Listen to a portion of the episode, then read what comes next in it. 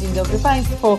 E, wybiła godzina 19, dzisiaj jest e, środa 18 listopada. Przy mikrofonie Agata Skrzypczyk. Zapraszam Państwa na dwugodzinną rozmowę poświęconą jak zwykle co tydzień kwestiom ekologicznym. E, co będzie w tym odcinku naszej audycji? O tym powiem już za chwilę.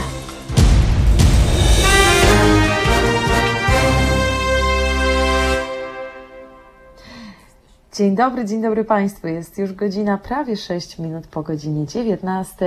Środa, audycja Halo tu Ziemia. Ja się nazywam, raz jeszcze przypomnę, Agata Skrzypczyk i prowadzę w Halo Radio już od roku audycje poświęcone e, ekologii, wszystkiemu, co związane z relacją między człowiekiem a naturą, o tym, jak tą naturę czasami depczemy, ale też jak możemy ją szanować, żeby została z nami jak najdłużej, a może bardziej, żebyśmy to my z nią zostali jak najdłużej, bo to my jesteśmy tym gatunkiem zagrożonym. O tym też często w tych audycjach mówię.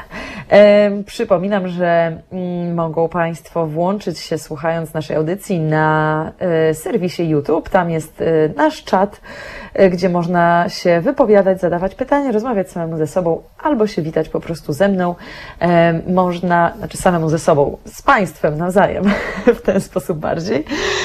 Można do mnie pisać wiadomości pod, pod, pod adres skrzypczykmałpa halo.radio e, i można też nas słuchać za pomocą serwisu Facebook, gdzie też na naszej, na naszej, na naszym fanpage'u halo.radio mamy, mamy dostępne mm, właśnie na żywo te audycje. E, ale tam też są podcasty, zarówno na stronie internetowej, jak i na Facebooku. Właśnie te wszystkie podcasty się tam znajdują, jakby Państwo nie mieli okazję któryś z nich wysłuchać. I zachęcam do prześledzenia sobie moich audycji właśnie na stronie Halo Radio E, w zakładce Agata Skrzypczyk. E, roczna, roczna przygoda w radio, Halo Radio z ekologią, roczny, można powiedzieć, roczna opowieść właśnie o ekologii, o zmianach klimatu, o, o nauce, o technologiach.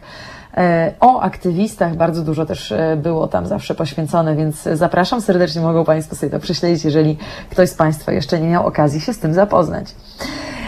Ano, a o czym będzie dzisiaj? Ano, dzisiaj, proszę Państwa, e, chciałam Państwu puścić parę wywiadów, które nagrałam dnia dzisiejszego e, przy okazji konferencji, która była organizowana w Gdańsku. E, w Gdańsku odbyła się dzisiaj konferencja Pomorskie Ekoforum 2020, która była to bodajże piąta edycja.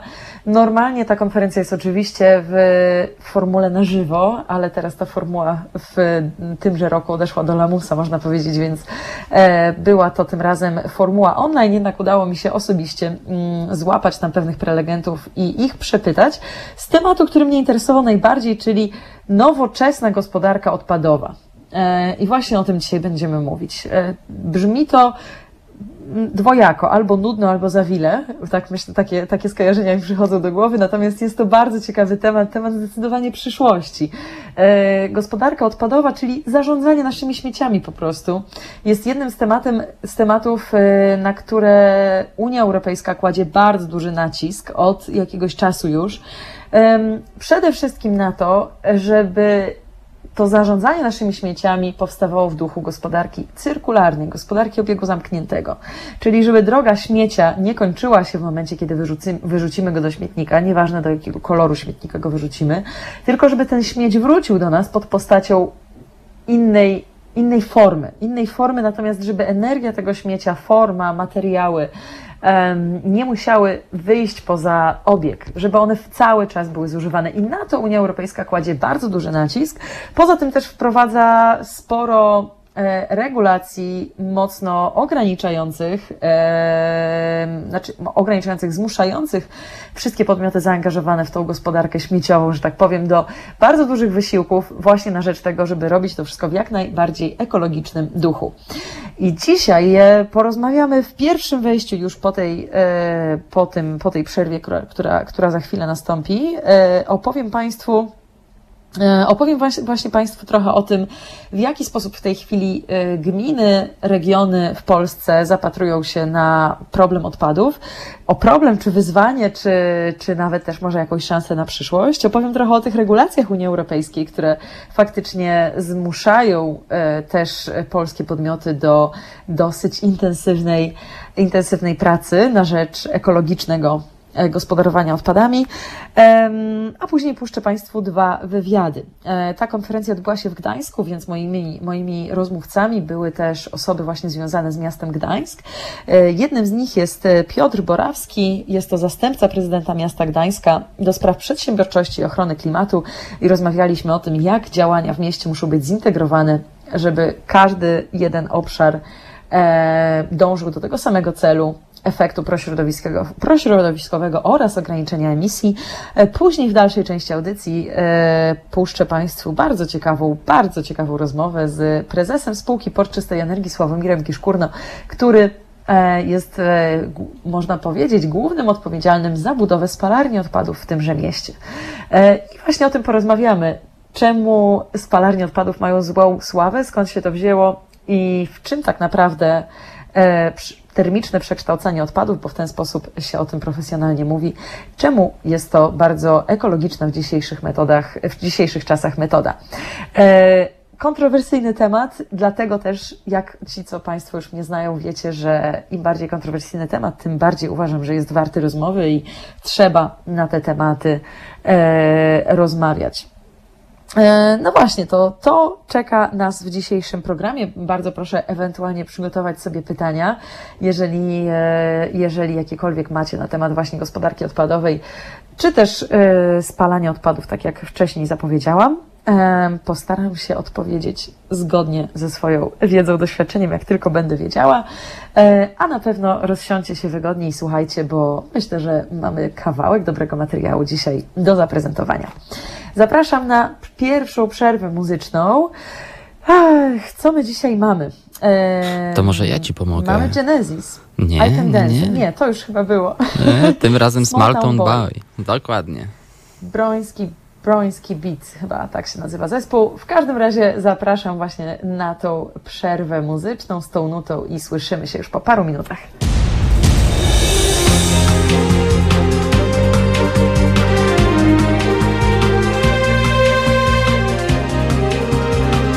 Halo Radio.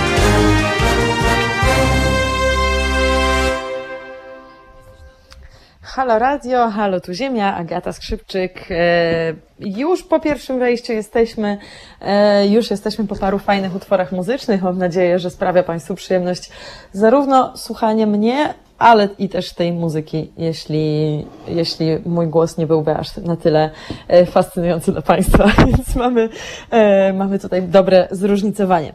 E, chciałam jeszcze Państwu zapowiedzieć, że mm, pewnie Państwo wiedzą, że rozpoczęły się znów protesty protesty w Warszawie, że Sejm, parlament zaczął znów obradować nad prawem ograniczającym dostęp do aborcji i z tego powodu rozpoczęły się po raz kolejny protesty przed, przed parlamentem. Jest tam dzisiaj przed parlamentem dziennikarz Halo Radio Adam Bysiek, który łączy się co rusz z nami na antenie i opowiada o tym, co się dzieje jak to wygląda, także żeby się Państwo nie zdziwili, jeżeli w którymś momencie przejdziemy z tematu odpadów komunalnych, e, ekologii do, do właśnie tematu tych protestów. Musimy też reagować na bieżąco na to, co się, co się dzisiaj dzieje. A no właśnie, propos tego reagowania na bieżąco, to mm, jeszcze z takich e, właśnie tych co, bieżących dokładnie kwestii, to nie wiem, czy Państwo wiedzą, że dzisiaj przypada Europejski Dzień Wiedzy o Antybiotykach. E, dosyć to ciekawe. Może się to odnosić oczywiście do kontekstu ludzkiego i farmakologii, o której ja tutaj e, w audycji niewiele sile się mówić, bo się na tym nie znam. Natomiast możemy też to odnieść do zwierząt hodowlanych. E, dużo dyskusji ostatnio poświęcaliśmy programowi zaproponowanemu przez parlament Piątka dla Zwierząt. Najpierw chwaliliśmy trochę posłów za to, że faktycznie taki pomysł wystosowali, natomiast od jakiegoś czasu mocno krytykujemy za to, że się z niego po prostu e, dziwacznie wycofują. E, ale w kontekście tych, e, tego Europejskiego Dnia Wiedzy o Antybiotykach należy wspomnieć właśnie e, to, jak się to odnosi do tych zwierząt hodowlanych. Ja cytuję za Fundacją Greenpeace Polska, która na swoim Facebooku dzisiaj podała, że w 2018 roku 780 ton leków podano zwierzętom hodowlanym. Prawie 1000 ton leków podano zwierzętom hodowlanym. E, jakie są tego konsekwencje? Oczywiście takie, że to też e, ląduje później w nas, w sensie w tych e, z Państwa, którzy mięso jedzą. Mięso, nabiał, to, to, to wszystko się tam przedostaje, ale też oczywiście te zwierzęta po prostu są hodowane w strasznych warunkach, bo przez te leki, antybiotyki, które są im podawane, one rozwijają się w sposób nienaturalny, e, przechodzą nienaturalne mutacje organizmów, e, rozrastają się w sposób też zupełnie e, niebywały, po to, żeby ta produkcja mięsa następowała szybciej, żeby produkcja nabiału następowała szybciej. Więc, więc warto sobie dzisiaj też taką liczbę uświadomić. Przypomnę, w 2018 roku prawie 1000 ton leków podano zwierzętom hodowlanym. No właśnie, ten program rządowy, program e, zmiana do uchwały o dobrostanie zwierząt, piątka dla zwierząt, miał też mówić o dobrostanie zwierząt hodowlanych, natomiast e, faktycznie to do skutku nie doszło, a musimy się tym, musimy się tym zająć. E, coraz więcej różnych chorób powstaje na farmach przemysłowych co, na fermach przemysłowych, coraz więcej różnych mutacji, e, coraz gorszej jakości mięso, które później, które później jemy, jedzą ci, co jedzą. I trzeba się tym niewątpliwie, niewątpliwie zająć. Należy wspierać oczywiście też małe rodzinne gospodarstwa, rolnictwa ekologiczne i dać sobie spokój z hodowlą przemysłową, która powinna być jak najściślej uregulowana. Z jeszcze z mało pozytywnych, bieżących tematów, e, zanim przejdę do tego naszego dzisiejszego, to też e, mały follow-up na temat, e, na temat prezydenta Trumpa i jego odejścia z fotelu, z fotelu prezydenta Stanów Zjednoczonych. Mówiliśmy w zeszłej audycji o konsekwencjach zamiany na fotelu prezydenta i o tym, czy Joe Biden będzie bardziej proekologicznym prezydentem, czy będzie miał okazję spełnić swoje zapowiedzi prośrodowiskowe. E, bardzo ciekawa negatywna informacja przyszła z, ze strony administracji Trumpa, która w poniedziałek, dwa dni temu, wystosowała prośbę do firm energetycznych o wskazanie, które konkretnie obszary e, dzikiego, dzikiego parku narodowego e, w, e, w Arktyce będą, e, będą ich interesowały po to, żeby wydać im licencję na poszukiwania i wydobycia z tego rezerwatu ropy naftowej i gazu. Wygląda na to, że Trump bardzo, bardzo chce zawrzeć umowy właśnie na poszukiwanie lub wydobywanie ropy naftowej e, i jeszcze zanim Joe Biden zostanie prezydentem, zanim oficjalnie przejmie stołek prezydenta i wygląda na to, że po prostu Trump chce podpisać umowy leasingu właśnie na odwierty w tym, na tym dziewiczym obszarze Arktyki.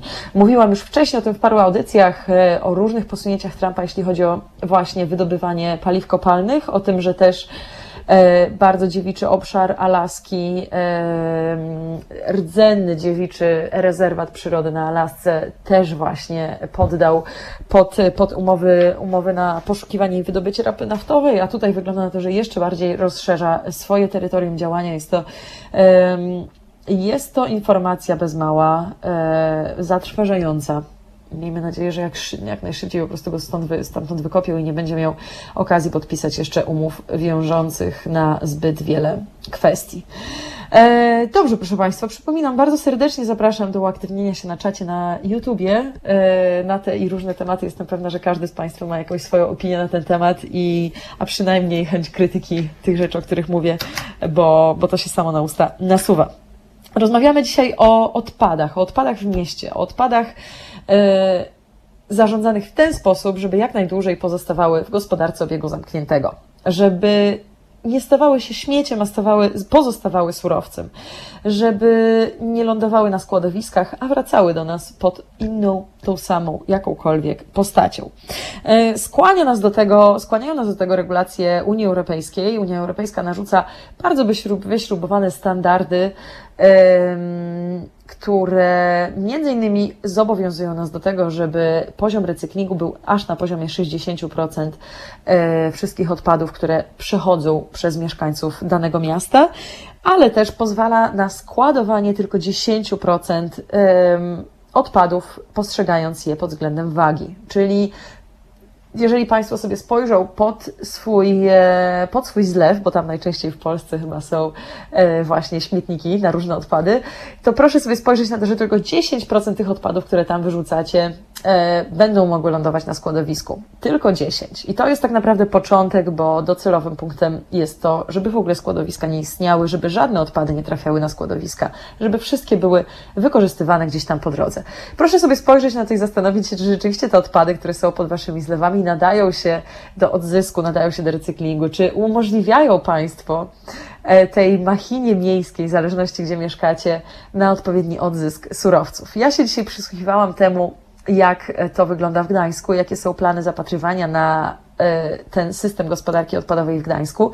I faktycznie ten system działa już e, bardzo, bardzo prężnie. E, miasto od jakiegoś czasu e, wprowadza różnego rodzaju programy edukacyjne i zachęty do sortowania odpadów. Myślę, że to jest pierwszy krok, właśnie ta edukacja i wciąganie obywateli do, do wspólnej realizacji tych planów, bo miasto czy gmina sama w sobie nic nie zrobi bez wsparcia mieszkańców. E, w Gdańsku powstała postać bardzo, bardzo fajna, przezabawna postać super bohatera o nazwie Super Sorter. Piękny pan z brodą, na pewno po wizycie u jakiegoś, u jakiegoś barbera pomaga tłumaczy, w jaki sposób sortować odpady, jakie odpady idą gdzie. E, zresztą jakiś czas temu Zakład Utylizacyjny w Gdańsku opublikował też bardzo fajny słownik segregowania odpadów, słownik recyklingu, gdzie można dokładnie sprawdzić, gdzie wyrzucić nawet talerz duraleksowy, bo do szkła go nie można wyrzucić, tyle tylko zdradzę. E, więc miasto w ten sposób zaczęło podchodzić do tego właśnie systemu gospodarki odpadowej od dołu, czyli oddolnymi działaniami, przede wszystkim tą edukacją. E, dąży do tego i zdecydowanie miasto ma nadzieję, że ten poziom recyklingu będzie na tyle wysoki, że większość odpadów będzie odzyskiwana po drodze i niewiele, niewiele z nich e, będzie, e, będzie składowana po prostu na wysypiskach odpadów. Mm, na tej konferencji, na której się właśnie przysłuchiwałam się, o której Państwu dzisiaj opowiadam, konferencja pod nazwą Pomorskie Ekoforum, Dużo się też poświęciło uwagi e, regulacjom prawnym, które są nazwane takim hasłem rozszerzona odpowiedzialność producenta. Co to znaczy? Oznacza to, że ten, kto śmieci, ten płaci. E, osoba, która śmieci, podmiot, który śmieci, jest zdefiniowana w ten sposób, że jest to podmiot, który przyczynia się do produkcji tych odpadów. Jeżeli więc y, kupujemy w supermarketach produkty, które są opakowane w trzy różne opakowania kartonowe, czy plastikowe. Mało tego, są one trudne lub niemożliwe do recyklingu, ponieważ są to materiały połączone ze sobą, y, to wtedy odpowiedzialność za ten śmieć leży w rękach producenta. To on będzie musiał producent tych odpadów będzie musiał zapłacić za zorganizowanie takiego systemu odzysku tych odpadów, żeby one mogły być odpowiednio przetwarzane, bo tworzy to większy koszt. Prezydent, zastępca prezydenta miasta Gdańska, e, Piotr Grzelak, mówił na, w swojej przemowie otwierającej tę konferencję o tym, że ma nadzieję, że faktycznie ten ciąg przyczynowo-skutkowy i to, że producenci będą musieli ponosić większe opłaty, skłoni ich do eliminowania e, tych opakowań właśnie, bo faktycznie większość tych produktów można kupić bez opakowań lub w takich opakowaniach, które będą miały bardzo jasne wytyczne e, odzysku i recyklingowania. Z drugiej strony tenże właśnie e, zastępca prezydenta miasta Gdańska Piotr Grzelak wspomniał, że to my konsumenci podejmujemy decyzje, że to my konsumenci że to my konsumenci e, podejmujemy decyzje naszymi wyborami zakupowymi, tym, co kupujemy, jakiego rodzaju produkty kupujemy, dajemy sygnał do rynku i naszym popytem kreujemy też podaż. Więc y, warto sobie zdać sprawę z naszej odpowiedzialności, która cały ten system de facto napędza. E, ciekawą też e, pierwszą rozmowę za chwilę Państwu zaprezentuję. Zrobimy chwilę przerwy i za chwilę Za chwilę Państwu tą rozmowę zaprezentuję, ale słyszę już, e, zanim to włączymy, trochę będziemy się przerzucać pomiędzy tematami. Słyszę, że na antenie jest e, zapowiadany przeze mnie Adam Bysiek, który stoi e, w tej chwili chyba pod parlamentem, jeśli dobrze rozumiem, i właśnie obserwuje rozpoczynające się tam kolejno protesty. Czy, czy Adam Bysiek już jest na antenie, czy jeszcze, czy jeszcze chwilka? Halo, halo. Halo, halo. Cześć, cześć Adam. Cześć, cześć, cześć, dobry wieczór. Cześć, dobry wieczór. Właśnie zapowiedziałam się naszym słuchaczom. Opowiedz, gdzie jesteś i co widzisz? Szanowni Państwo, ja aktualnie znajduję się tuż koło tak zwanej Palmy, w centrum Warszawy. W tym miejscu spotkały się dwie grupy protestujących. Protestujący sobą ludzi, ludzi, którzy dzisiaj wyszli na ulicę po to, by protestować przeciwko właśnie zawłaszczaniu fundamentalnych praw do wolności, do decydowania o samym sobie. Ci ludzie teraz połączyli się w dwie grupy przy ulicy Żurawiej. Ja tylko przypomnę, że ścisłe centrum miasta, takie ulice jak Marszałkowska, jak Plac Trzech Krzyży, jak Aleje Jerozolimskie nadal są zablokowane tu ci ludzie owinięci w, czerwo- e, w tęczowe flagi, ci ludzie mają nad sobą, nad swoimi głowami liczne banery, które w sposób bezpośredni obnażają jakość rządów, przeciwko którym protestują. Mam to na myśli oczywiście autonomiczną decyzję pani magister Przyłębskiej, e, która to no, anulowała, zerwała tak zwany kompromis aborcyjny. Ci ludzie dzisiaj wyrażają swój sprzeciw. Również pani Marta Lempart, główna organizatorka tego marszu, przez swój mikrofon powiedziała dzisiaj, ci, którzy jesteście przeciwko odebrania, e, odebraniu immunitetu, immunitetu e, sędzi Tulei, dołączcie do nas. My tutaj teraz w centrum Warszawy czekamy na te dwie grupy, również te grupy, które są przeciwko właśnie działaniom tak zwanej Izby Dyscyplinarnej, więc te dwie, dwa marsze już się połączyły. Czekamy na kolejnych ludzi, kolejnych protestujących, którzy nas wjeżdżają z dokładnie Starego Miasta w Warszawie. Mm, dzięki, dzięki Adam za tą relację. Czy mm, słyszałeś może jakieś e, pierwsze szacunki, ile osób w tej chwili już jest na ulicach, ile osób protestuje? Z nieoficjalnych wyliczeń policjantów, z którymi udało mi się porozmawiać, wynika, że w tym marszu bierze udział co najmniej kilka tysięcy osób. Warto zaznaczyć, że zabezpieczenie tego marszu w postaci również kilku, na pewno tysięcy funkcjonariuszy umundurowanych policji, a także e, żandarmerii wojskowej jest rzeczą no, niewywałą. Ja przypomnę Państwu, że dokładnie tydzień temu, 168 godzin temu tą samą trasą przemierzał marsz tak zwanych neonazistów. Marsz osób, które potalały mieszkania, rzucały flarami i walczyły z tymi, którzy dzisiaj idą w pokojowy sposób. Więc ta dysproporcja pomiędzy siłami użytymi wtedy, a dzisiaj jest naprawdę niebywała i, i no, przyprawia o zawrót głowy. Dodam jeszcze, że nas dziennikarzy po raz pierwszy wyproszono spod Sejmu. Ja mam legitymację prasową, mam również akredytację sejmową i nie mogłem przekroczyć barierek przy ulicy Wiejskiej. Nie mogłem również ten obszar się dostać. Te grupy były szczelnie blokowane, szczelnie izolowane od potencjalnych osób, które mogłyby do tej grupy protestujących dołączyć. Co się stało? Mimo no, uporczywych działań, takich tatarczywych działań policji e, przeciwko nam, dziennikarzom i im protestującym, do połączenia tych grup doszło. Dziś centrum Warszawy m, na pewno nie po niewłacach, ale to nie w uśmiechach, u szczerych uśmiechach radości, e, ale też smutku, bo to w końcu marsz przeciwko czemuś, a nie za jakąś decyzją. No właśnie, Adam, jeszcze ostatnie pytanie do Ciebie. Jakbyś mógł porównać ten dzisiejszy protest z protestami, które przechodziły regularnie przez stolicę i przez całą Polskę, przez cały świat tak naprawdę parę tygodni temu. Czy widzisz jakąś różnicę? Czy frustracja jest większa? Czy może jest już pewna bezsilność? Jak, jak byś określił tę, atmosferę? Drodzy Państwo, ja od czterech lat pracuję jako reporter i również dziennikarz, relacjonując dla Państwa rozmaite wydarzenia na różnych antenach, tym radiowych, telewizyjnych. W Halo Radio jest to które na, któreś wejście z kolei, któryś masz, który po kolei relacjonujemy dla Państwa, ale przyznam szczerze, że naprawdę... Y moją uwagę przykuła szczególnie dysproporcja. Ta dysproporcja pomiędzy właśnie e, użytymi e, e, policjantami, użytą tak zwaną armią, bo to jest armia w końcu wojsko, która no, chce odizolować, chce nie dopuścić do dalszego przebiegu tego marszu. Ja powiem dzisiaj, bo teraz obok mnie idzie grupa 20 osób, które mają na swoich ramionach naklejki ONR i powiedzieli tutaj obok, że są z tak zwanej obrony kościołów.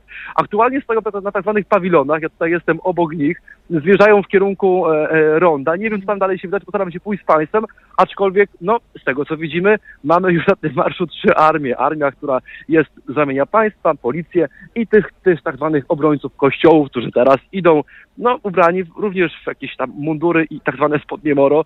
No i nie wiem, co tam będzie, aczkolwiek to jest jedna z takich głównych cech tego marszu, że po pierwsze nie wiemy, co się wydarzy, a po drugie ciężko przewidzieć rozwój wypadków w takiej sytuacji, gdy stolicą przemierzają ludzie protestujący pod tym brandem tęczowej flagi, a naprzeciwko nich staje policja, obok której stoją tak zwani obrońcy kościołów. Wyjątkowa sytuacja.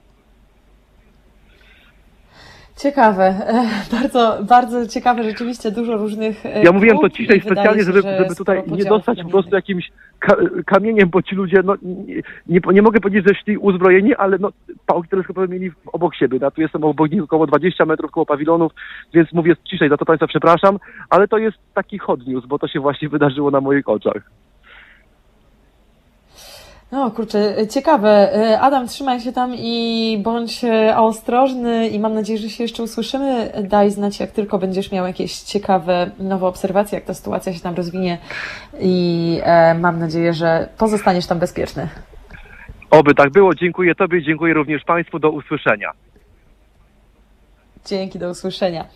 E, drodzy Państwo, e, to z gorącej e, na gorąco relacjonuje Adam Bysiek, który jest, tak jak powiedział, przy Palmie, czyli przy Rondzie de Gola w Warszawie podczas kolejnych protestów przeciwko planom zaostrzenia ustawy aborcyjnej, dostępu do aborcji w Polsce, nad czym znów parlament zaczął obradować. E, będzie jeszcze relacjonował pewnie na bieżąco, a tymczasem zrobimy chwilę przerwy muzycznej. No właśnie, kocham Cię jak Irlandię, zespołu Kobranocka. Do usłyszenia za parę minut. Halo Radio. Pierwsze radio z wizją.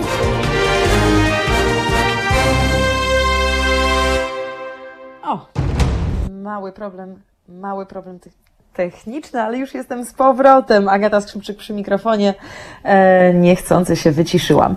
E, no właśnie, pierwszy radio z wizją, bo normalnie nadajemy, nadajemy faktycznie ze studia streaming na żywo, gdzie można nas podglądać na YouTubie, ale teraz w czasie pandemii w studiu niewiele się dzieje. Ja w tej chwili rozmawiam z Państwem z zacisza domowego, które jest trochę bardziej bezpieczne. Chociaż nie mówię, że nasze studio nie jest. No właśnie, w różnych niebezpiecznych sytuacjach e, nasi dziennikarze są. Ja sama też e, podróżuję, szukając różnych tematów do rozmowy. Chociażby moja ostatnia podróż to była do niemieckiego portu, skąd nadawałam na temat gazociągu z Rosji Nord Stream 2, a raczej planach jego budowy. A z drugiej strony jeden z naszych dziennikarzy, Adam Bysiek, jest właśnie mm, częścią podczas protestów e, które w tej chwili przetaczają się ponownie przez Warszawę w sprawie zaostrzania ustawy aborcyjnej. Więc e, Halo Radio dziennikarze ryzykują niemało. Ale wracamy do tematu odpadów, bo ten Państwu dzisiaj obiecywałam i zapowiadałam. Byłam dzisiaj uczestniczką konferencji e, Pomorskie Ekoforum. Żeby Państwo nie pomyśleli, oczywiście cała ta konferencja nie była na żywo, jedynie prelegenci wymieniali się przy, przy kamerze i akurat ja tych prelegentów przechwytywałam. Część z nich miałam okazję przepytać odnośnie tego, co myślą na temat nowoczesnego systemu zarządzania odpadami, nowoczesnych miast, które tak naprawdę wszystkie swoje zadania muszą układać w taki sposób, żeby były one skupione na pozytywnym efekcie środowiskowym oraz na obniżaniu emisji. To już nie jest tylko poszczególny wydział miasta do, do ochrony klimatu, czy wydział miasta do, nie wiem, do natury, czy środowiska, tak naprawdę wszystko. E, transport, gospodarka komunalna, mieszkaniowa, odpadowa, budowanie dróg, e, zarządzanie jakością wody, wszystko tak naprawdę, szkoły nawet, edukacja, wszystko e, może być robione z pozytywnym podejściem do środowiska, z ograniczającym jak najbardziej wpływ na środowisko lub wręcz przeciwnie. Więc y, co mi się bardzo podobało, im dłużej się przyglądam temu miastu, tym bardziej to widzę, że y, faktycznie jest tutaj ustalana bardzo spójna strategia, która właśnie polega na tym, żeby jak najbardziej dążyć do ograniczania emisji w mieście. Zresztą miasto Gdańsk teraz ubiega się o tytuł Europejskiej Zielonej Stolicy, Zielonej Stolicy Europy w roku 2000 23 i faktycznie aspiruje do tego, żeby było to zielone miasto Polski i, i to widać, rozmawiając szczególnie tutaj z urzędnikami i z przedstawicielami różnych innych organizacji e, publicznych, e, faktycznie, faktycznie widać, że że jest skupienie na tym, żeby, żeby miasto jak najbardziej było przyjazne, przyjazne środowisku, e, żeby było jak najlepiej się tutaj żyło też e, z czystym, w czystym powietrzu. No właśnie, nie przedłużając już tego wstępu, chciałabym Państwa serdecznie zaprosić na wysłuchanie e, krótkiego wywiadu, e, krótkiego wywiadu, który nagrałam e, właśnie dzisiaj dla Państwa z Piotrem Borawskim, zastępcą prezydenta miasta Gdańska do spraw przedsiębiorczości oraz ochrony klimatu. I właśnie o tym rozmawialiśmy. Proszę wysłuchać dosłownie parę minut. Proszę zorientować się też, jak, e, jak właśnie myślą e, urzędnicy w Gdańsku. Polecam serdecznie i do usłyszenia już po tym wywiadzie. Dzień dobry, moim gościem jest pan Piotr Porawski, zastępca prezydenta do spraw przedsiębiorczości i ochrony klimatu. E, Panie prezydencie, dziękuję bardzo za bardzo fajną prezentację w ramach, Dziękuję. w ramach Ekoforum. Głównym tematem pana prezentacji było to, jak gminy mogą się wywiązać z, nowego ładu europejskiego, prawda? Myśli pan, że to będzie duże wyzwanie dla, dla polskich gmin szczególnie tutaj dla Gdańska właśnie? Znaczy, oczywiście patrzymy na ten e, na Europejski Zielony Ład e, jako wyzwanie, jako oczywiście obowiązki, które na nas spłyną, ale też jako szanse i możliwości. Bo myślę, że wszyscy, nie tylko my jako rządzący, ale przede wszystkim mieszkańcy, chcemy żyć w czystym środowisku, chcemy żyć e, w mieście, w mieście które będzie ekologiczne, które będzie stawiało na szereg ekologicznych rozwiązań e, i taka wizja też miasta przed nami. Natomiast na Europejski Zielony Ład, no to przede wszystkim e, wyzwania, które przed nami e, stoją, e, dążące do tego, żeby w najbliższych latach jak najbardziej zmniejszyć, e, zredukować e, emisję dwutlenku węgla w naszych miastach. No właśnie, co mi osobiście się bardzo podoba, to to, że wiele różnych teoretycznie niezwiązanych ze sobą dziedzin życia tutaj w Gdańsku jest próba, żeby to wszystko zintegrować. Właśnie Pan zajmuje się ochroną, ochroną klimatu, więc domyślam się, że to też w dużej mierze należy do Pana obowiązków. I bardzo mi się podoba to myślenie tutaj, że zarówno odpady, jak i właśnie retencja, o której też, też dzisiaj mówiliśmy, e, wiele różnych rzeczy, że tak naprawdę to musi iść w parze, prawda? Że to muszą być łączone, łączone działania na rzecz klimatu. Tak, no to, y, to jest na pewno takie właśnie działanie horyzontalne, tak, przebiegające właśnie przez szereg różnego rodzaju działań, inicjatyw miejskich. Nawet ostatnio, gdy składaliśmy projekt budżetu miasta, jeden z dziennikarzy zapytał, e, ile środków przeznaczamy na adaptację do zmian klimatu. I nie ma takiej jednej rubryki w budżecie pod tytułem właśnie zmiany klimatyczne, gdzie jest zapisana taka i taka suma. To są właśnie szereg różnego rodzaju działań w różnych miejscach, w różnych obszarach naszego miasta, na które oczywiście jest zapewnione finansowanie, które składają się e, właśnie na to, żeby redukować e, ilość e, gazów cieplarnianych, zredukować emisję dwutlenku węgla, ale także stworzyć no, podwaliny pod to, żeby nasze miasto było bardziej zielone, bardziej ekologiczne. A jak wygląda temat produkcji energii elektrycznej cieplnej? Większość elektrociepłowni w miastach polskich jest jeszcze w tej przestarzałej formule, większość z nich jest oparta na węglu.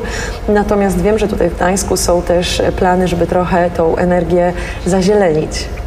No tak, no, e, wszyscy musimy także o tym myśleć, że, że nie tylko właśnie paliwa kopalne, ale przede wszystkim tutaj stawianie na szereg e, różnego rodzaju działań związanych z OZE.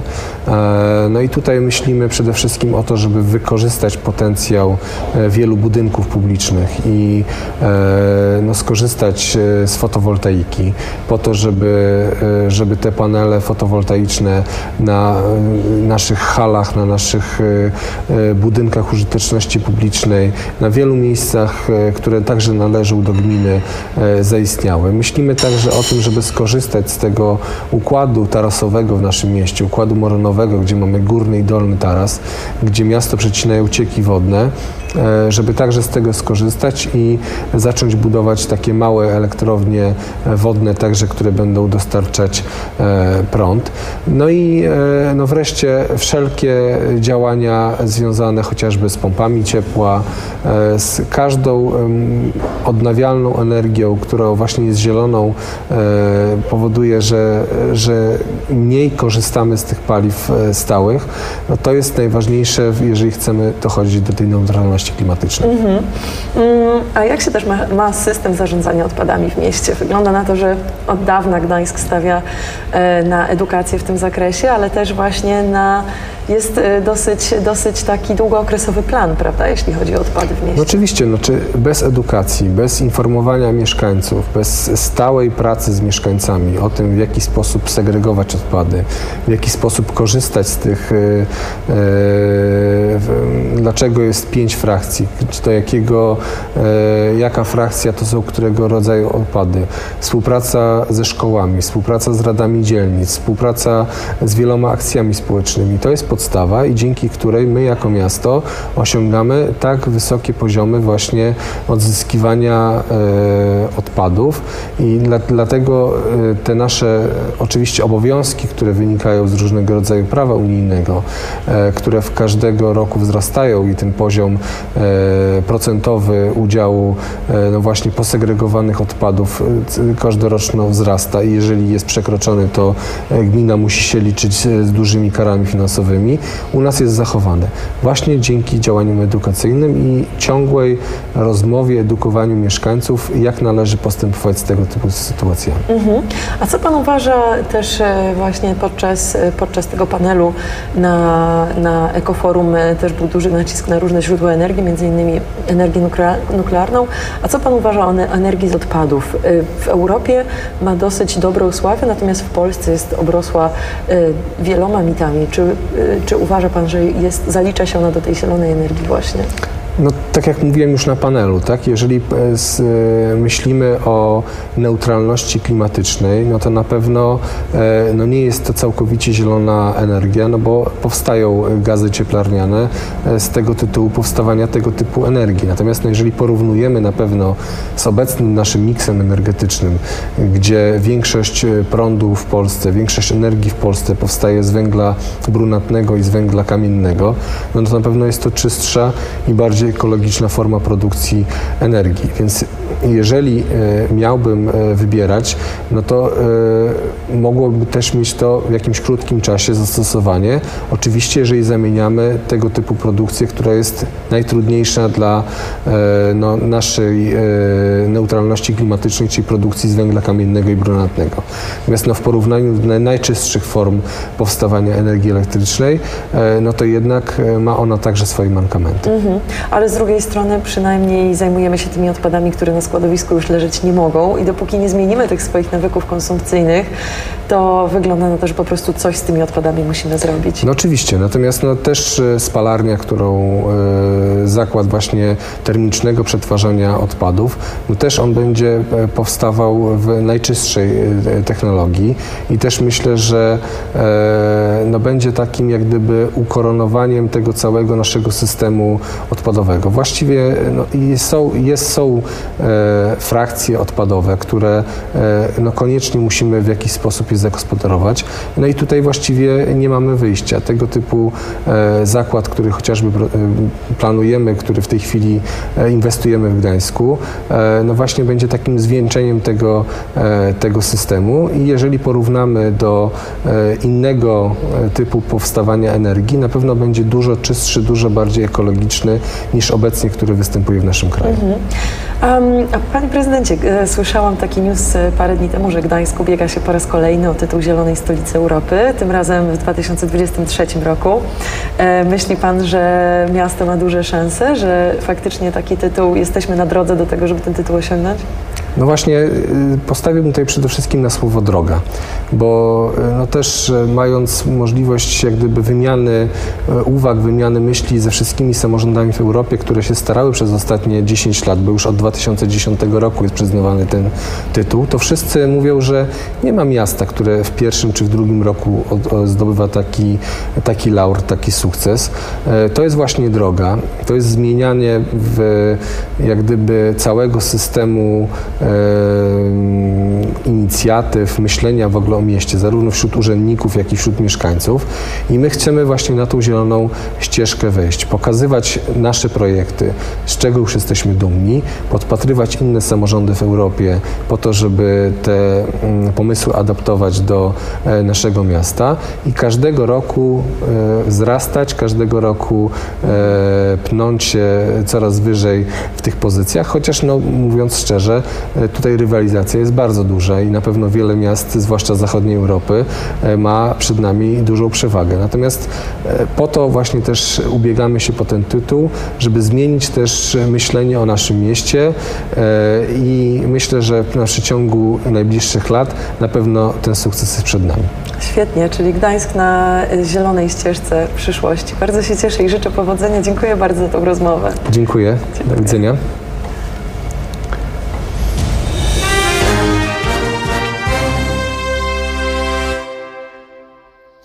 To była piosenka Axela Rosa, Guns Roses, Don't You Cry Tonight. E, przypomina mi to, och, przypomina mi to o e, też protestach, które są dzisiaj w Warszawie. E, jest na nich nasz dziennikarz e, Adam Bysiek. E, miejmy nadzieję, że nikt tam płakać nie będzie, chociaż na pewno jest tam niemała frustracja. Drodzy Państwo, wracamy do tematu, na którym, który na dzisiaj zapowiadałam, czyli spalarnie odpadów również, zarządzanie odpadami, ale właśnie też spalarnie odpadów w miastach.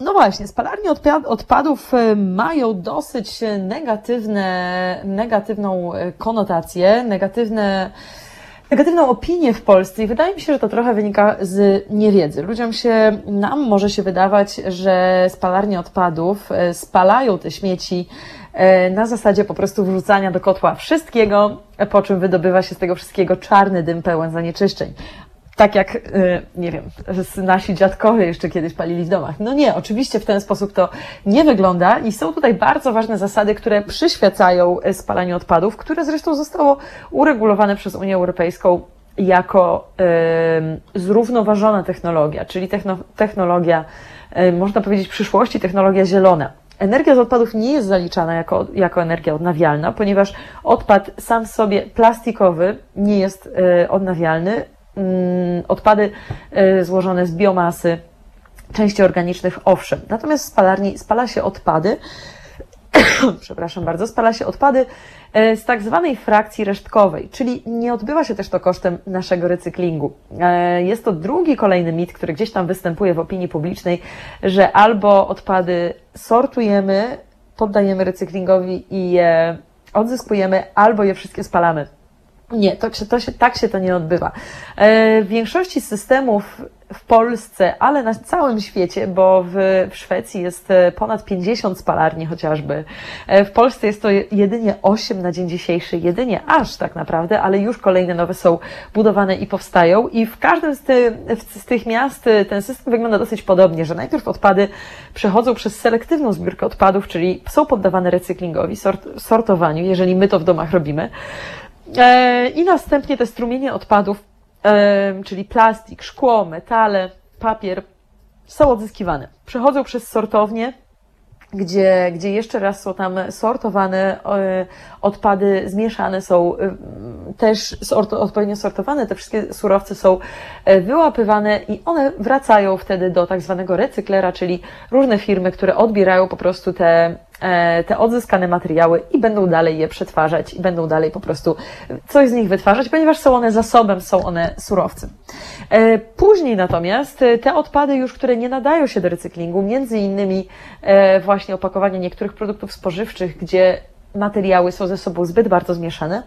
One idą, te odpady dalej, wędrują ścieżką odpadów Mm, I te, które mają frakcję, y, mają wartość opałową powyżej 6 MJ na, kilogram, czyli po prostu y, są wysokoenergetyczne, nadają się do spalenia, te odpady dopiero lądują tam do spalarni. Te o niższej wartości energetycznej, niższej wartości opałowej będą składowane na składowisku, ale z racji tego, że ma to być tylko 10% wagowo naszych wszystkich odpadów, to ich może być tam po prostu niedużo. I te odpady nie nadające się do recyklingu jakoś musimy zagospodarować. I właśnie tutaj powstaje ta technologia e, powstaje ta technologia termicznego przekształcania odpadów, tak popularna w wielu krajach zachodnich, jako sposób po prostu na zagospodarowanie tych odpadów. Nie jest to, broń Boże, pomysł na to, żeby nagle oprzeć naszą energetykę o, e, oprzeć naszą energetykę o, o, o konsumpcję, o to, że będziemy kupować i śmiecić i na tym będziemy, będziemy faktycznie produkować energię elektryczną i cieplną. Nie, tych odpadów nie nadających się do recyklingu jest po prostu cały czas zbyt dużo. Właśnie w tej rozmowie z prezesem spółki Port Energii, która buduje spalarnię odpadów w Gdańsku, e, o tym rozmawialiśmy, że tych odpadów w regionie jest tak dużo, że nawet jeżeli ludzie przestaną konsumować na taką skalę, jaka w tej chwili występuje, to nadal będzie można po prostu czerpać te odpady z innych gmin. Więc jest to sposób przejściowy, jest to jakiś tam krok przejściowy e, w dążeniu do tej energetyki zielonej, która docelowo powinna być oparta na źródłach odnawialnych, natomiast w tej chwili jeszcze nie jest i też mamy problem z tymi odpadami. Ale od paliw kopalnych powinniśmy jak najszybciej odchodzić. Więc jest to krok przejściowy, jest to jakaś droga pomiędzy E, połączenie dobrego z pożytecznym. E, zapraszam Państwa serdecznie. Może zrobimy jeszcze, mm, jeszcze przerwę muzyczną. E, mm, no właśnie, co to będzie, co to będzie za piosenka? Zaraz tutaj wyszukam, ale po tej przerwie muzycznej zaproszę Państwa wtedy na wysłuchanie tej rozmowy o ekologicznych efektach też przetwarzania termicznego odpadów, o o rozszerzonej odpowiedzialności producenta, o super sorterze, o edukacji. Bardzo ciekawa rozmowa. Serdecznie zapraszam. Jak tylko wybrzmi piosenka Crowded House um, Weather With You, to już po niej zaproszę Państwa na ten wywiad. Do usłyszenia. Halo Radio. Pierwsze radio z wizją.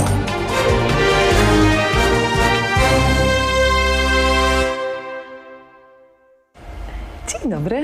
Dzień dobry. Ze mną dzisiaj Sławomir Kiszkurno, prezes spółki Port Czystej Energii.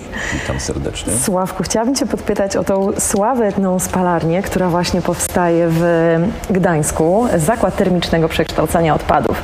Jakbyś może mógł zacząć od, od powiedzenia, po co w ogóle miastu taki zakład? Z wielu przyczyn. E, przede wszystkim on od około, a nawet kilkunastu lat był planowany. Od samego początku na zagospodarowanie termiczne frakcji takiej nie nadającej się do recyklingu, czyli takiej frakcji, która nie może być dzisiaj składowana, a koszt jej zagospodarowania na zewnątrz jest wyjątkowo drogi i stale rośnie. Więc szansą e, dla miasta Gdańska, dla e, gmin, które partycypują w projekcie, jest to, że ta inwestycja powstanie i będzie można koszty systemu e, zmniejszyć i przede wszystkim ustabilizować na lata. Ale też spalarnia to e, element całego systemu gospodarki odpadami i brakujące dzisiaj e, miejsce właśnie takiego systemu, by mógł funkcjonować już samodzielnie w mieście e, Gdańsku. Brakuje nam dzisiaj tylko spalarni i całe odpady komunalne będziemy zagospodarowywać już we własnym mhm. zakresie. Nie będziemy od rynku wtedy zależni. No właśnie, bo spalarnia nie jest tutaj też pewnym ekologicznym luksusem, ale też koniecznością, bo Unia Europejska wprowadziła przepisy, które sprawiają, że spalarnia staje się niezbędna. To jest oczywiście prawda. Hierarchia postępowania z odpadami jest kluczowa. My wiemy, gdzie jest termiczne e, przekształcenie odpadów, czyli tak zwany odzysk energetyczny. To jest przedostatni element hierarchii, czyli przede wszystkim unikanie, powtórne wykorzystanie, recykling, dopiero odzysk energetyczny i oczywiście na końcu składowanie. Ale ten koniec jest bardzo ważny, czyli by ograniczyć składowanie, żeby tego miejsca e, jak najmniej co do zasady degradować dla środowiska na e, potężne lata przyszłe, trzeba ten odpad zagospodarować w inny sposób. I termiczne przekształcenie daje możliwość, by go przede wszystkim bardzo roztropnie, e, bo też pod względem finansowym mądrze przekształcić, ponieważ przychody ze sprzedaży energii elektrycznej i ciepła będą obniżały cenę na bramie dla e, poszczególnych e, gmin, jeśli chodzi o jakby utylizację tego e, odpadu. I to jest jakby bardzo, bardzo ważne. Mhm. A zastanawia mnie jeszcze trochę ym, droga tych odpadów, która, która, która właśnie już funkcjonuje w mieście, bo wspomniałeś, że do spalarni będą trafiać odpady nie nadające się do recyklingu, a myślę, że jest dużo takiego przekonania, wiele przekonania w Polsce, że jest to wybór, czy segregujemy odpady, czy je spalamy po prostu wszystkie ciurkiem tak jak leci, ale to chyba nie jest prawda. Tutaj jest bardzo ważny element taki, że te odpady, nawet przy idealnej, selektywnej zbiórce odpadów, przy takim segregowaniu przez mieszkańców podręcznikowym i tak duża, zaznaczam, duża część, bo niech to będzie 20-30% w przyszłości nawet, e, zawsze będzie odpadu, który się nie będzie do niczego e, mm, e, nie można będzie w żaden sposób wykorzystać, do niczego się nie będzie nadawał.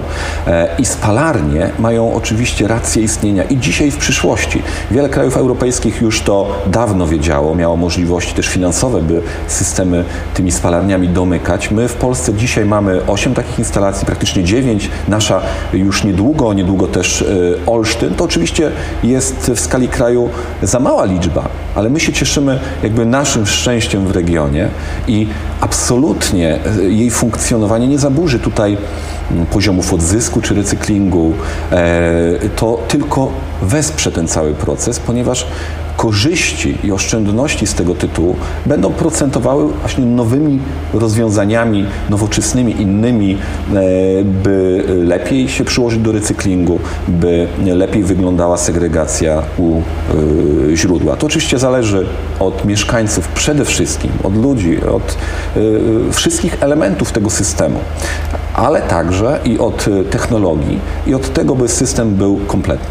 No właśnie, bo spalarnia tak naprawdę dostaje już te odpady na samym końcu, ale pomiędzy mieszkańcem a spalarnią jest bardzo duża droga tego odpadu. Przede wszystkim najważniejszy chyba jest ten etap sortowania i sprawnego recyklingu, prawda? Odbiór od mieszkańca odpadów to jest rzeczywiście klucz. Znaczy klucz jest w domu tak naprawdę. I to powiem nawet jeszcze przed domem, czyli mhm. właściwe decyzje konsumenckie. Tak, idziemy do sklepu i to na każdym etapie wybieramy taki towar, jaki uważamy, że później można ten odpad zagospodarować. Wkładamy go w takie y, miejsce, odpowiednią torbę, by jakby promować cały ten system y, selektywnej zbiórki. Czyli zwracamy na te wszystkie elementy postaw proekologicznych. Y, to jest jakby kluczowe. Następny element, by tych transportów jakby samochodami było jak najmniej, tak? Żeby tych odpadów było jak najmniej. To oczywiście ślad węglowy, emisje do powietrza. Następnie ten odpad trafia do zakładów y, przetwarzania odpadów, tak zwanych instalacji komunalnych.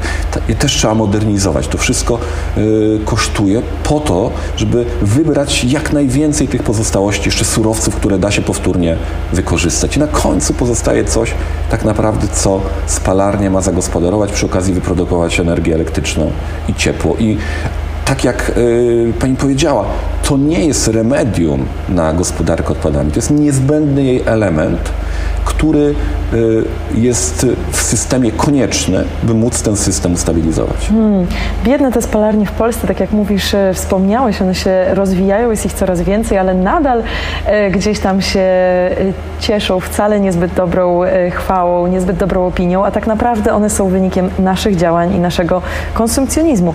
Ale bardzo mi się to podoba, co, co powiedziałeś, że ten cały system zaczyna się w domach, ale niekoniecznie tylko od tego, czy my segregujemy, czy nie, tylko już w sklepach, w momencie, kiedy decydujemy się kupić dane produkty.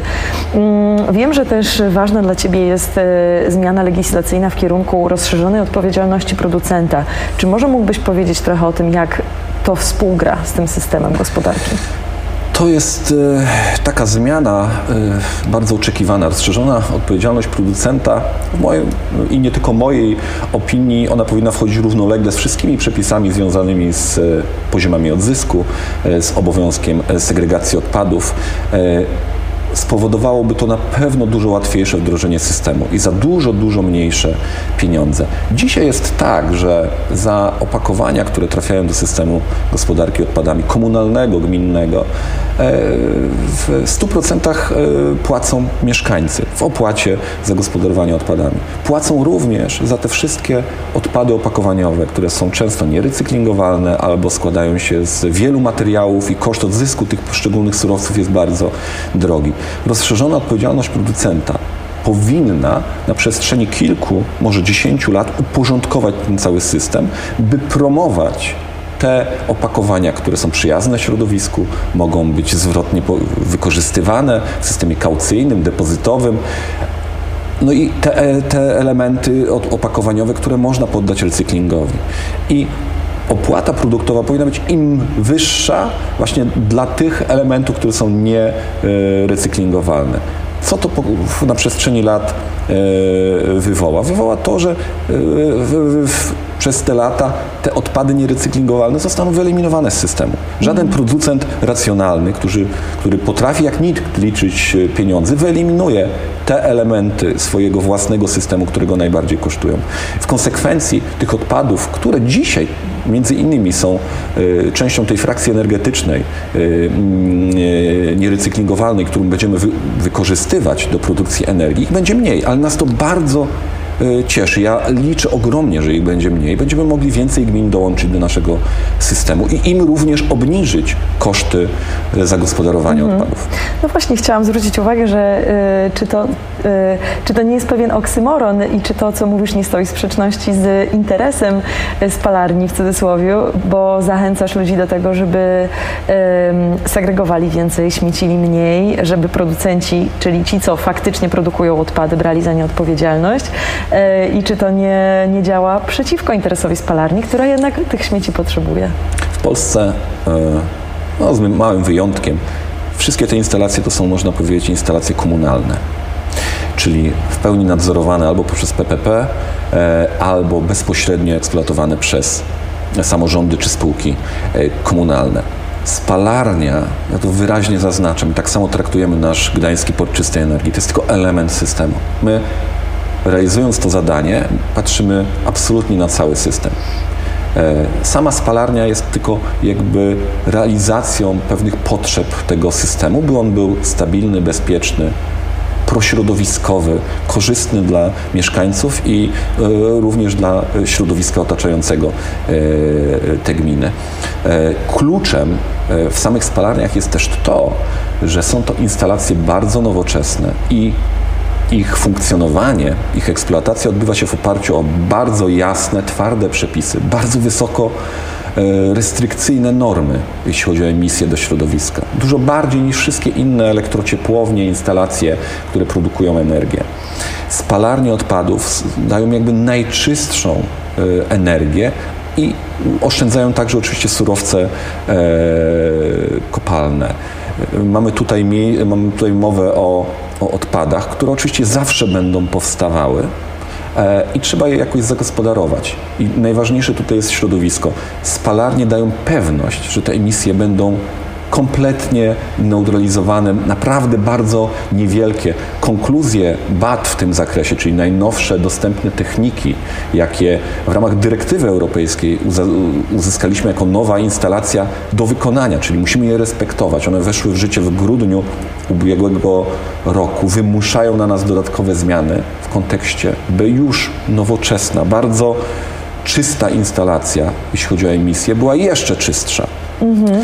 E, aż strach e, pomyśleć, co będzie w przyszłości, bo oczywiście każde zaostrzenie tych wymogów już bardzo rygorystycznych powoduje, żeby uzyskać takie normy emisyjne, trzeba do, dodawać całą masę różnych reagentów wapniowych, magnezowych, wprowadzać dodatkowe elementy oczyszczania spalin, ale one też generują odpady to musi gdzieś być wypośrodkowane i taki galop w kierunku ograniczeń tych emisji zupełnie do zera spowoduje, że będziemy mieli całą masę odpadów poprocesowych wynikających z ogromnej ilości reagentów wykorzystywanych do tego oczyszczania. Więc gdzieś trzeba znaleźć złoty środek, natomiast na pewno instalacje termicznego przekształcenia odpadów są bardzo bezpieczne, sprawdzone. Mamy już w Europie ich prawie 500, ciągle są budowane do nich są dofinansowania jako do źródła e, energii takiej zielonej.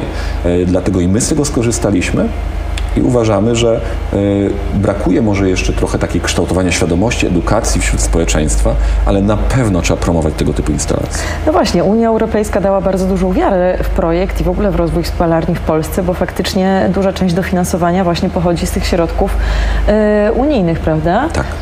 A jeszcze chciałam zapytać Cię o te odpady poprocesowe, poprodukcyjne, y, czyli te popioły. To, jest zaliczane, to są zaliczane jako odpady niebezpieczne, prawda? Co się z nimi stanie? Mhm. Popioły z oczyszczania spalin, zaznaczę, bo jakby odpady poprocesowe mamy głównie e, dwa rodzaje. To są e, żużle z procesu spalania i to nie są odpady niebezpieczne. Ich mamy jakby najwięcej, ale można je powtórnie wykorzystywać, czy powtórnie wykorzystywać, można je wykorzystywać do podbudowy dróg e, albo składować jako odpad taki inertny, nie, nie mający wpływu już na środowisko. To jest jakby jedna rzecz. No i mamy około 4% całego wsadu odpadów komunalnych w postaci tej naszej frakcji energetycznej. To około 4% to są odpady z oczyszczania spalin. I ich jest więcej, im normy są bardziej wyśrubowane. Więc jeśli musimy więcej reagentów zastosować, więcej mm, ten system rozbudować, no to koszty tego oczyszczania są wyższe. Także wynika to z tego, że zagospodarowanie tych odpadów poprocesowych też kosztuje. Mhm. Jakoś tak się to stało przez ostatnie lata w Polsce, chyba od samego początku, może, że odpady są takim tematem bardzo niepopularnym, bardzo brudnym, chce się go zamieść pod dywan. Zupełnie inaczej jest w pozostałych, w niektórych krajach Unii Europejskiej, gdzie rzeczywiście ten odpad jest traktowany jako surowiec i widzę, że Gdańsk też dąży w tym kierunku. Powiedz na pewno, żeby też właśnie mieszkańcy wsiedli na tą czystą, zieloną łódkę do przyszłości, że tak powiem, potrzebujemy bardzo dużej edukacji w tym zakresie. Czy myślisz, że ona w tej chwili jest wystarczająca? Jak to wygląda w mieście w Gdańsku? Edukacja ekologiczna jest kluczowa w każdym procesie związanym z tą, w cudzysłowie, yy, brudną pracą, procesem bardzo trudnym, mało atrakcyjnym co do zasady. Mówimy o śmieciach, odpadach, E, żeby dziecko zachęcić do tego, żeby umiejętnie segregowało. E, to jest e, coś, co trzeba zrobić bardzo atrakcyjnie. Trzeba tworzyć modę wręcz na pewne procesy. Uważam, że edukacja co do zasady absolutnie jest niezbędna. Każdy pieniądz wydany na edukację w tym edukację ekologiczną, o której teraz mówimy, nigdy nie będzie pieniądzem zmarnowanym. By postawy w ludziach wytworzyć dalekosiężne, postawy takie na przyszłość, trwałe, można to zrobić w tym procesie wyłącznie przez edukację, poprzez zakazy, poprzez ograniczenia, normy, a także samym presją pieniądza. Tworzymy postawy chwilowe, tworzymy postawy, które działają w okresie, kiedy ten nakaz występuje, kiedy mnie to bezpośrednio kosztuje. To są bardzo nietrwałe postawy. Prawo się będzie przez lata zmieniało, coś będzie odchodziło do lamusa, będą przychodziły nowe przepisy. Byśmy nie musieli wracać do tego samego, musimy tą edukację stosować. Ona musi być atrakcyjna, ona musi być nowatorska, ona musi wykorzystywać różnego rodzaju metody i techniki edukacyjne, dzisiaj już znane, wdrażane. Dzisiaj trzeba mówić o tych procesach na miejscu ich występowania, nie w murach szkolnych, w czterech ścianach, nie przez wideokonferencje, tylko trzeba na miejscu, przez dotyk, przez zapach, przez e, słuch, różnymi zmysłami. To nam pozwala zrozumieć cały obieg gospodarki odpadami. Czyli w momencie, kiedy idziemy do sklepu, e, bierzemy, zastanawiamy się, co kupić, do momentu, kiedy to opakowanie, które kupujemy, jest właśnie z tego odpadu, który wysegregowaliśmy, który został e, e, przekształcony w zakładzie, wykorzystywany dalej do recyklingu i w nowym produkcie mamy go z powrotem. Trzeba widzieć drogę tego odpadu, który wyrzucamy do pojemnika. Mieć świadomość tego, że problem odpadu nie kończy się w pojemniku na zewnątrz, w wiacie śmietnikowej czy punkcie gromadzenia odpadów. On się dopiero zaczyna. I my musimy mieć świadomość, że to, co trafia, tak jak w Gdańsku do zakładu utylizacyjnego, to nie jest problem zakładu, to nie jest odpad e, zakładu czy gminy. To jest nasz własny odpad każdego mieszkańca i musimy się z nim utożsamiać. I problem z jego zagospodarowaniem czy powtórnym wykorzystaniem to jest problem każdego z nas, bo to my możemy ten problem wyłącznie rozwiązać. A jeżeli miałbyś okazję stanąć na y, scenie w centrum Gdańska z jednym komunikatem ekologicznym skierowanym do mieszkańców, co by to było? Ja bym się przede wszystkim przebrał w supersortera. E, kiedyś wymyśliliśmy kilka lat temu e, tą postać jako lidera, z którym liczyliśmy, że będą się dzieci, e, mieszkańcy utożsamiać. To się nam w Gdańsku wyjątkowo udało. Dlaczego to zrobiliśmy? Dlaczego był taki pomysł? Znaczy, ja się przez kilkanaście lat zawodowo edukacją ekologiczną zajmowałem w różnego rodzaju ośrodkach, prowadząc innymi taką zachodniopomorską sieć ośrodków edukacji ekologicznej i przyrodniczej. E, szkoliliśmy się w wielu miejscach w Polsce i za granicą. Tworzyliśmy nowe metody, techniki do edukacji e, i stwierdziłem i, i, jakby mm, rozpoczynając w Urzędzie Miejskim e, Gdańsku ten proces związany z wdrożeniem systemu selektywnej zbiórki, jakby byłem przekonany do tego, że samą zwyczajną, taką tradycyjną edukacją jesteśmy w stanie osiągnąć efekt za najszybciej za kilkanaście lat. To pokazują badania najróżniejsze, między innymi w Skandynawii. E, dlatego e, byłem przekonany, że trzeba stworzyć coś innego. Jak chcemy, bo wdrażamy przecież system teraz, musimy mieć efekty poziomu odzysku za rok, za dwa, już widoczne. E, to edukacja tradycyjna, formalna, nieformalna swoją drogą, ale trzeba stworzyć modę. Trzeba stworzyć postać i e, postawy, które nie są obciachowe, które są trendy, gdzie młodzież będzie chciała się z tym utożsamiać, będzie czuła w supersorterze e, swojego jakiegoś lidera, guru, e, będzie się z tą maskotką utożsamiać, będzie się bawiła w te gry, które my chcemy, e, żeby się e, bawiła. Stąd pomysł na supersortera, na e, postać superbohatera, bo do trudnych spraw, gospodarka odpadami, odpady, trzeba bohatera. W domu, na zewnątrz, na ulicy, w sklepie, wszędzie o tym, kto ma styczność ze, z odpadami, ze śmieciami, trzeba myśleć jako bohaterze. I ten superbohater, oczywiście mając na uwadze także to, co się dzieje obecnie, gdzie młodzież widzi swoich e, e, jakby takich takie wzory do postępowania. E, dużo filmów e, Marvela w kinach też, to też jest taki element, który spowodował, że tego sortera e, stworzyliśmy. I oczywiście partnerkę z czasem, tak? Stworzyliśmy Biolę, bo, bo dla młodych ludzi, dla e, dziewczynek w wieku szkolnym, wczesnoszkolnym, no, no, chłopak jest trochę obciachem, no nie ukrywajmy tego. Grupy są, chłopcy się trzymają z chłopcami, głównie dziewczynki z dziewczynkami. No, musieliśmy stworzyć też bohatera dla nich właśnie. I, i, i, i zresztą e, to było konieczne, planowane od samego początku. E, widzę dzisiaj efekt tego, widzę tą edukację, która ma miejsce w Gdańsku. Wzory gdańskie są gdzieś klonowane w innych gminach, e, w materiałach edukacyjnych, które gdzieś na stronach internetowych możemy znaleźć. To nas bardzo e, cieszy, ale nie można usiąść na laurach. Edukację trzeba na bieżąco rozwijać. I to nie w tradycyjne metody, tylko ciągle atrakcyjne, ciągle e, zgodne z postępem, z rzeczywistością. I tutaj nie można przespać żadnego momentu, ponieważ w pewnym momencie to, co dostarczamy młodzieży, ludziom staje się nieatrakcyjne, nie działa. Trzeba to działanie sprawdzać, badać, ankietować, ale przede wszystkim rozwijać. Cały czas, cały czas pilnować, by nasz superbohater i to, co e, on chce nam przekazać, było właściwe, ale i umiejętnie przedstawione. Miejmy nadzieję, że ten superbohater pomoże w przywróceniu tematu odpadów do tego ekologicznego obiegu. Dziękuję Ci bardzo. Sławomir Kiszkurno, Port Czystej Energii. Dziękuję, Dziękuję bardzo. bardzo.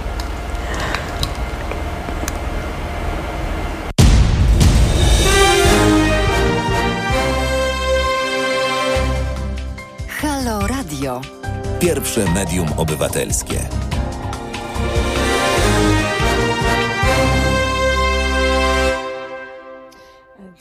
Drodzy Państwo, mam nadzieję, że podobała się Panu Państwu rozmowa na temat e, systemu, e, nowoczesnego systemu zarządzania odpadami w Gdańsku, a tutaj ze szczególnym naciskiem na termiczne przekształcanie tych odpadów w instalacji, która popularnie jest zwana spalarnią.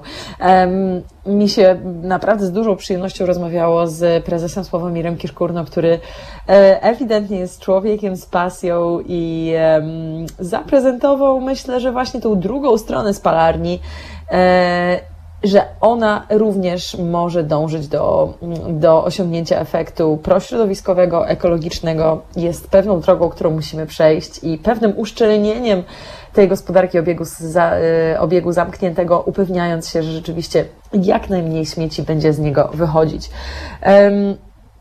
Drodzy Państwo, rzeczywiście wiele osób mówi, że. Mm, że pozbywanie się śmieci przez spalanie ich to nie jest rozwiązanie, bo powinniśmy ich jak najwięcej odzyskiwać.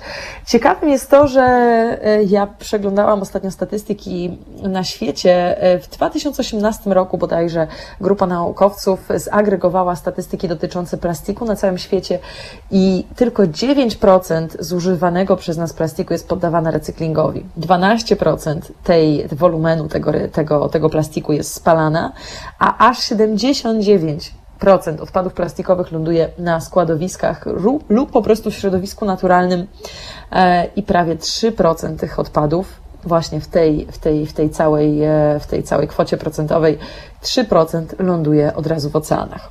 Więc e, to jest jakiś mit, że większość odpadów jest poddawana recyklingowi. Niestety większość miejsc na świecie nie ma odpowiedniej infrastruktury do odzysku odpadów.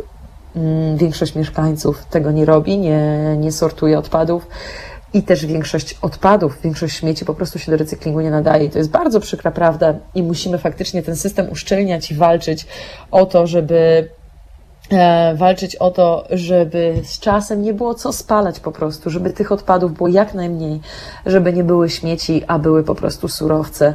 E, I pan Kiszkurno chyba wspomniał też w swojej wypowiedzi o piramidzie zarządzania odpadami. Na pierwszym miejscu jest ograniczanie konsumpcji. I jeżeli mówimy o zarządzaniu odpadami, mówimy o e, poradzeniu sobie z tym problemem gromadzących się odpadów, mm, wcale najważniejsze nie jest zastanawianie się, co możemy z nimi zrobić, a co zrobić, żeby ograniczyć ich powstawanie. I tutaj naszą rolą właśnie jest ten pierwszy etap. Rolą producentów również w projektowaniu ekologicznym e, produktów w ten sposób, żeby jak najmniej było z nich odpadów, ale też naszą rolą, bo to my wybieramy, co kupujemy. Możemy kupować świeże warzywa w supermarketach, które są opakowane w plastik, a możemy iść po prostu na e, jakiś bazar, gdzie kupimy mm, to bez plastiku, biorąc swoją torbę. E, oczywiście w ten sposób świata nie zbawimy, natomiast e, jest e, odpady, zalegające odpady nie zmieniają naszego klimatu, ale sprawiają, że plastik rozkładający się tysiącami lat będzie właśnie w tej naturze zalegał. Więc nie można tutaj mylić tych pojęć ochrony, ochrony klimatu, walki ze zmianą klimatu, a po prostu tutaj walki też o środowisko naturalne, o to, żeby zostało ono dziewicze. E, no właśnie, więc to jest ten pierwszy, pierwszy etap tej piramidy. Na samym końcu jest składowanie, bo to oznacza, że odpady zostają usuwane z tego obiegu i już więcej do niego nie wrócą. E, spalanie jest przedostatnim etapem i rzeczywiście w Polsce i na świecie e, zaczyna się do tego, mm, do tego kroku przywiązywać bardzo dużą uwagę. E, polecam Państwu uwadze właśnie e, temat tej nowoczesnej gospodarki odpadowej. Jeżeli będą Państwo chcieli się więcej z nim zapoznać, jest bardzo dużo publikacji w internecie na ten temat. E, gospodarka cyrkularna to jest też zdecydowanie bardzo gorący termin, który należy sobie wyszukać. Życzę Państwu miłego wieczoru. Mam nadzieję, że podobała się Państwu dzisiejsza audycja. audycja. Serdecznie dziękuję, że byli Państwo ze mną. Słyszymy się już za tydzień. Mm, standardowo 19 w każdą środę. Ja się nazywam Agata Skrzypczyk e, i bardzo mi było miło e, prowadzić tę audycję razem z Państwem przez te ostatnie dwie godziny. Miłego wieczoru i do usłyszenia.